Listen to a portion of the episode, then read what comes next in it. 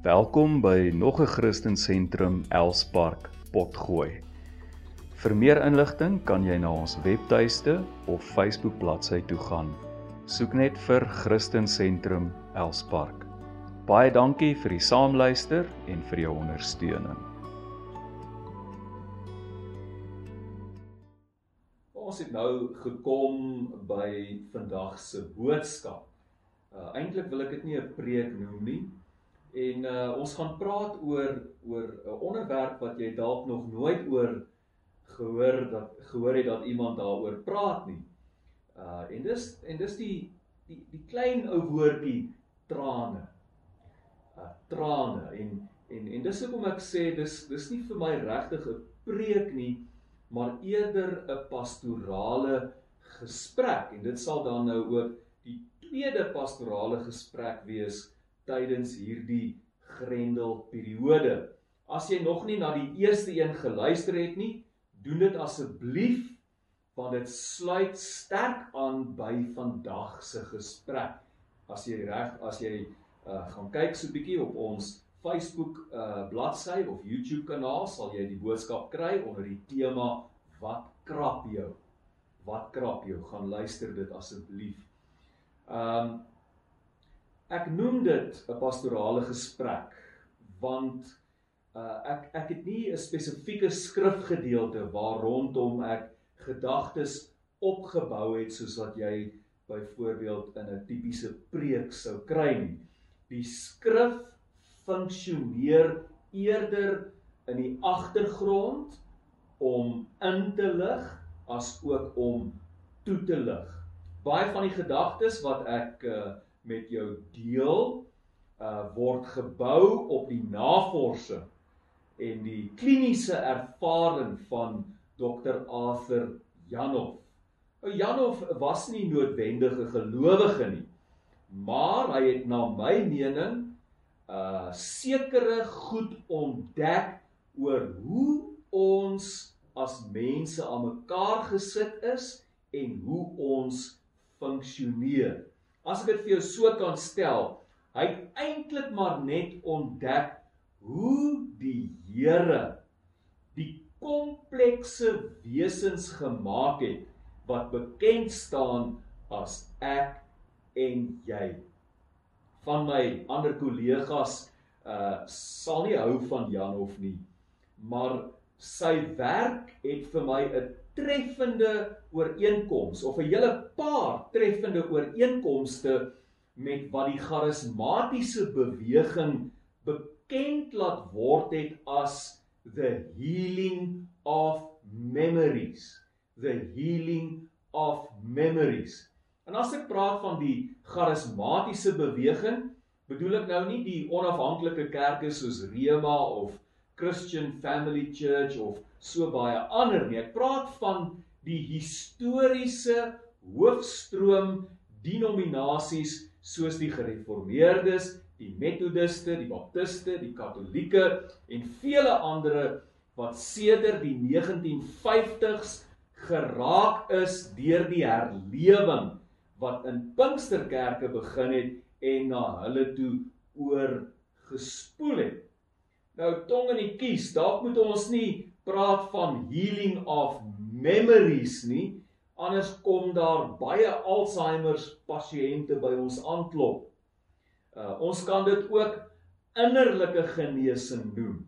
Maar innerlike genesing gaan in wese oor die genesing van my memories, die genesing van my herinneringe. Dis wat innerlike genesing is, die genesing van my herinneringe.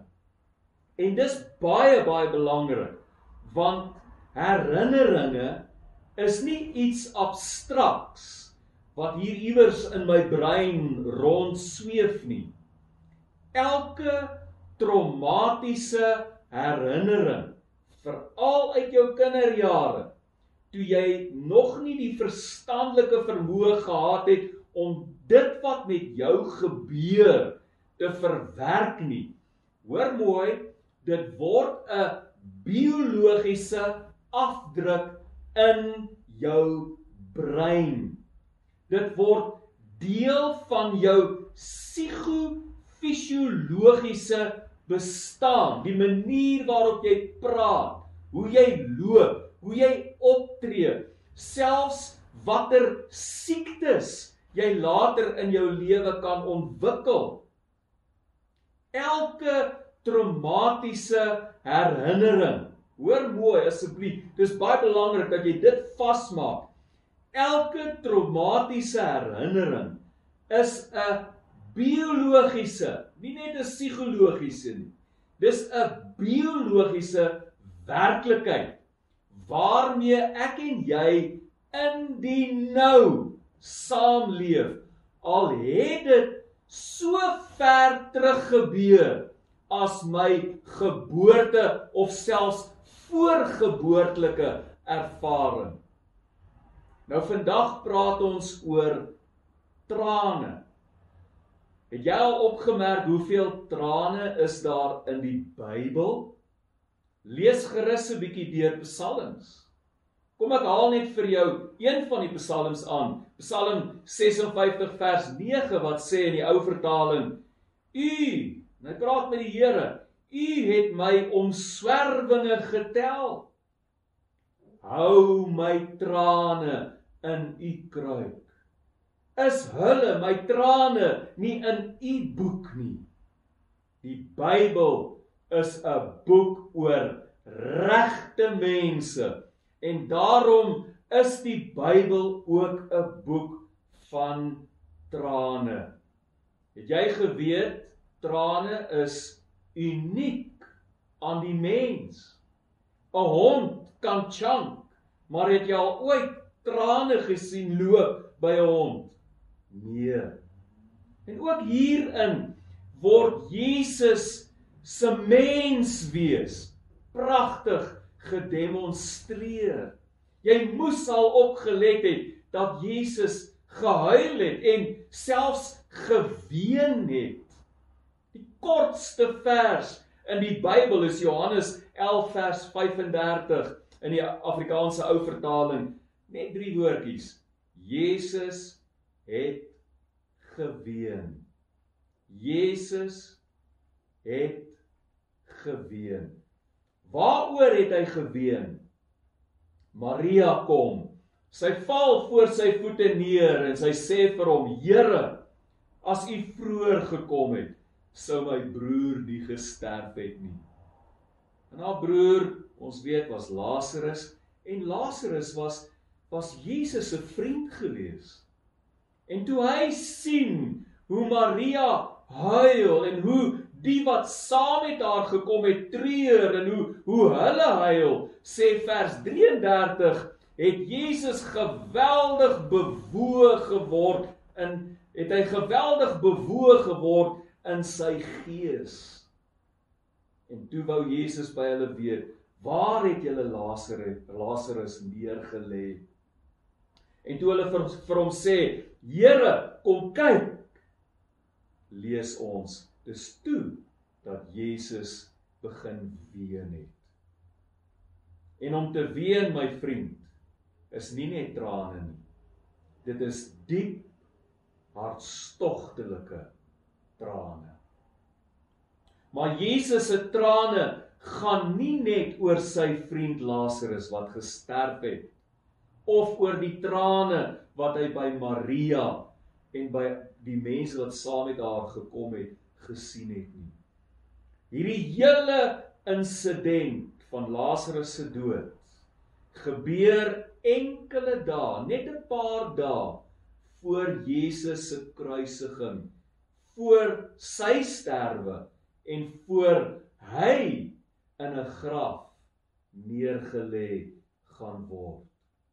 Jesus se trane oor Lazarus bereik bereik uiteindelik 'n klimaks in die tuin van Getsemane wanneer Jesus uit loutere angs bebloede trane huil oor die marteling en dood wat oor 'n paar ure vir hom gewag het.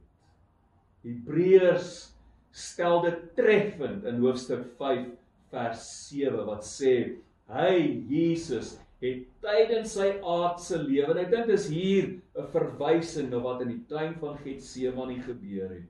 Het tydens sy aardse lewe smeekinge en pleitbedes met harde krete en trane, trane gebring voor God. Ons praat nie vandag oor trane van blydskap nie. Ons praat oor trane as gevolg van pyn, as gevolg van lyding. Trane is die taal van ons lyding. Het jy geweet daar is feitelik geen verskil tussen die trane wanneer jy byvoorbeeld 'n ui skil en die trane as gevolg van emosionele pyn nie. Albei is 'n manier om van die gifstowwe in jou liggaam ontslae te raak. As jy byvoorbeeld 'n ui skil, traan jou oë om van die ui se giftige gasse ontslae te raak as jy hier binne in jou seer is. Jy pyn het, emosionele pyn het en jy huil, dan is dit om van die gif van jou lyding ontslae te raak. Navorsing het gevind dat daar streshormone in ons trane is. En daarom is dit heeltemal korrek. Is nie verkeerd om te sê dat trane jou pyn wegwas nie. Geen innerlike genesing. Geen innerlike genesing is moontlik sonder trane nie. En ons het gepraat oor ons herinneringe, ons memories. Soms is jou trane jou herinneringe. Want die tyd toe jy die trauma beleef het, was trane waarskynlik die enigste taal waarin jy jouself kon uitdruk om te leer kommunikeer is 'n lang proses en is 'n proses wat begin by die ongebore babietjie wat in die baarmoeder skree op 'n sonar kan jy soms sien hoe die ongebore babietjie skree maar daar's nog nie trane nie. En dan tydens en net na ons geboorte dan begin die trane loop. Dan eers begin ons huil. En van min of meer 1 jarige ouderdom af leer ons praat. Ons begin leer om te praat en eers dan het ons woorde. En eers wanneer ons hier rondom 10, 11 jaar oud is, leer ons om goed te analiseer, dit te verstaan en dit te verwerk. Om dit vir jou op te som, Ons skree eers voor ons huil. Ons huil voor ons leer om te praat. Ons leer om te praat voor ons leer om rasioneel oor goed te dink. En daarom het trane die vermoë om jou terug te vat na pyn wat jy ervaar het toe jy nog nie die woorde gehad het waarmee jy dit kon uitdruk nie. En in so 'n geval is jou trane jou herinnering. Lazarus se dood. As ons net weer so bietjie kan terugkeer na dit toe. Lazarus se dood en sy liggaam wat in 'n graf neergelê is was die sneller wat Jesus aan sy eie dood en sy eie liggaam wat in 'n graf neergelê gaan word laat dink het. So Jesus se trane hierdie gedagte van sy eie dood, sy eie liggaam wat binnekort in 'n graf neergelê gaan word, was deel van die trane wat hy oor Lazarus gestort het. Ons almal het al beleef hoe jy iets sien wat 'n baie diep snaar hier binne in jou roer en voor jy weer kyk dan loop die trane. Dit kan iets eenvoudig wees soos 'n fliek waarna jy kyk. Die twee helde wat die heeltyd met mekaar beklei en beklei en dan wanneer hulle uiteindelik mekaar omhels, dan loop my trane. Hoekom? Hoekom gebeur dit? Want jy sien hoe 'n behoefte wat baie diep hier binne in jou is vervul word in die karakter met wie jy identifiseer in die fliek. Jy wou ook net graag gedruk word. Jy wou ook net graag sagtheid en teerheid ervaar het. Jy wou ook graag net regverdig behandel gewees het. Jy wou ook graag net gehoor word. Jy wou ook graag getroos word. Jy wou ook net graag liefde ervaar het. Maar nou sit jy met al hierdie pyn, al hierdie pyn omdat hierdie behoeftes nooit vervul is nie en daarom loop jou trane want die toneel wat jy in die fliek gesien het, het daai sneller getrek. Luister mooi. Hierdie simboliese trane, kan ons dit so noem, simboliese trane.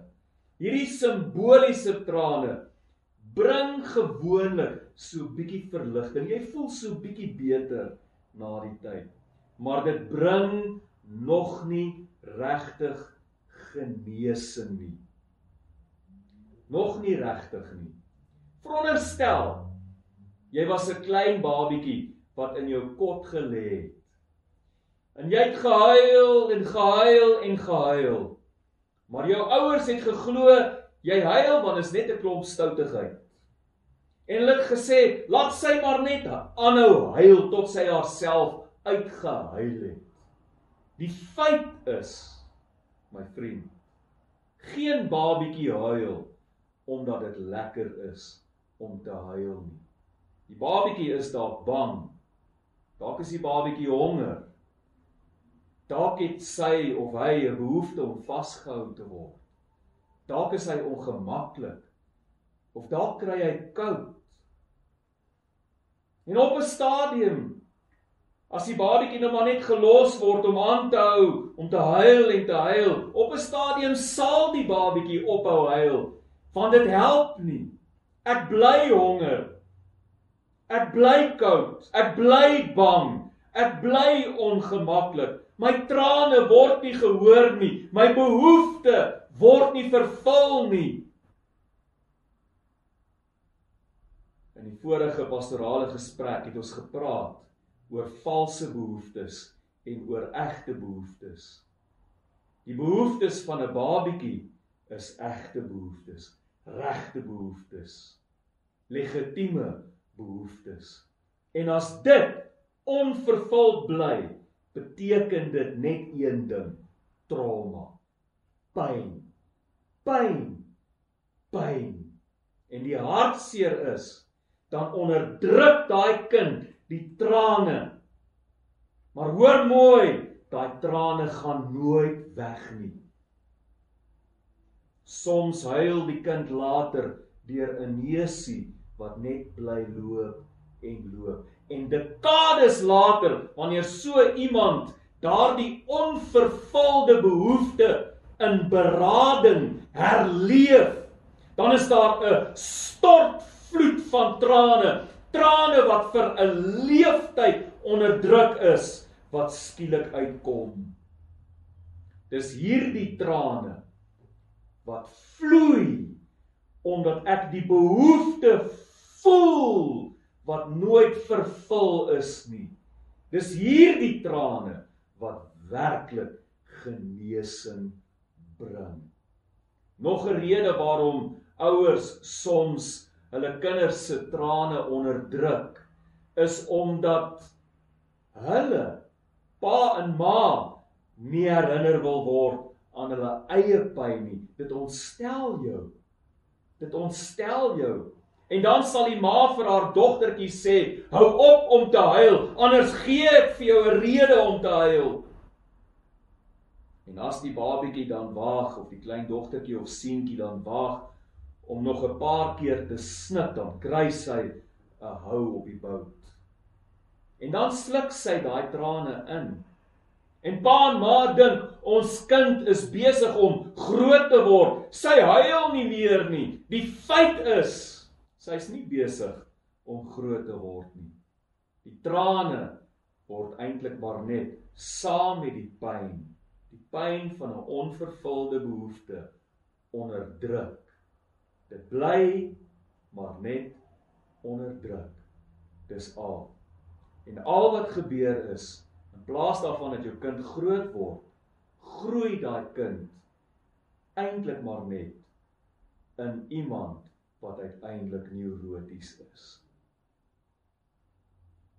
Dit kan nie dit hoef nie noodwendig net in jou kinderjare te gebeur het as 'n babietjie of as 'n klein dogtertjie of seentjie nie. Dit kon ook 'n patroon van gebeure gewees het wat later in jou lewe gebeur het wat verskriklike trauma en pyn in jou baie wonde hier binne in jou gelos het. Navorsing het gewys dat iemand wat ween se bloeddruk met 24 ten minste 24 punte val en dat jou hart 10 slae per minuut stadiger klop. Janov vertel. Hy vertel van 'n motor se kattebak wat per, per ongeluk op 'n 6-jarige seentjie se vingertjies toegeslaan is. Vingertjies was sleg gekneus gewees, maar die seentjie het nie baie gehuil nie. Toe hou hy op. En een oggend, twee, ek dink dit was 2 dae later, vat hy 'n potlood en hy probeer om prentjies te teken. Maar sy handjie was so seer, hy kon nie. Naderhand was hy so gefrustreerd dat hy begin huil het. En hy huil, hy sê ek kan nie teken nie. Ek kan nie teken nie en hy het sy seer handjie vasgehou en hy het op die grond neergeval en vir 'n halfuur lank het daai seentjie net gehuil en gehuil. En toe hy klaar gehuil het, was hy uitgeput, maar hy was ook kalm En tot sy groot verbasing sê hy: "My hand is nie meer seer nie." En na dit het sy vingertjies buitengewoon vinnig gesond geword. Janov sê: "Weeping is healing." Ek sê dit weer. Weeping is healing. Janov gaan aan en hy sê: "Not bad." For minuscule droplets of water. Imagine, say, tears have the power to transform our physiology and change our personality. What has seemed like weakness to so many of us turns out to be one of the most powerful forces on earth. Kom ons som op. Trane is uniek aan die mens. God het ons gemaak sodat ons kan huil, sodat ons trane kan stort, om ons te help met genesing. En is dit nie wonderlik om te weet dat selfs Jesus gehuil het nie. Dit bevestig vir ons dat hy regtig mens was. Wat is die pyn wat jy diep binne in jou ronddra? Hoe ver terug gaan hierdie pyn? Hoe diep is dit weggebêre in jou ge geheue? Ek wil net vir jou dit sê. Daai pyn is nie weg nie. Al dink jy jy dit vergeet of al kan jy dit nie onthou nie. Dis nie weg nie. Dis nog altyd daar. En daar is iets. Daar is iets soos innerlike genesing. Wanneer ons die Heilige Gees vra om daardie pynlike herinneringe, herinneringe wat jy dalk al vergeet het, oop te maak sodat die trane wat jy vir jare onderdruk het, uiteindelik kan vloei. Die wonderlike ding wat mense soms in gebedsterapie ervaar, is dat Jesus die vermoë het om in daardie herinnering in te stap en jou diepste onvervulde behoefte te vervul. Daar was jy 'n klein ou seentjie, so alleen, so bang en dit was so pynlik vir jou gewees. Elke dag was 'n stuk pyn vir jou gewees. Wat moes jy met daai pyn doen? Jy het nie die woorde gehad om dit mee uit te druk nie. Jy het nie die rasionele vermoë gehad om dit te verstaan en dit te verwerk nie. Al wat jy kon doen was om te huil. En toe dit ook nie gehelp het nie, het jy jou traantjies ingesluk en jy het jou pyn baie baie diep gaan wegsteek, gaan wegsteek. So diep, so diep al soek jy daarvoor kan jy dit nie meer onthou nie. En dan wanneer die Heilige Gees, die Gees van God kom en breek daardie herinneringe oop. En die trane vloei, watter genesing is dit nie? As jy ervaar hoe die Here Jesus in daardie herinnering instap en skielik hier langs jou staan en jou klein handjie in sy hand neem en in jou oor fluister toe maar my kind jy is nie alleen nie. Ek was nog altyd by jou gewees. Dit dit is wanneer ons regtig hier in ons binnekant gesond word. Amen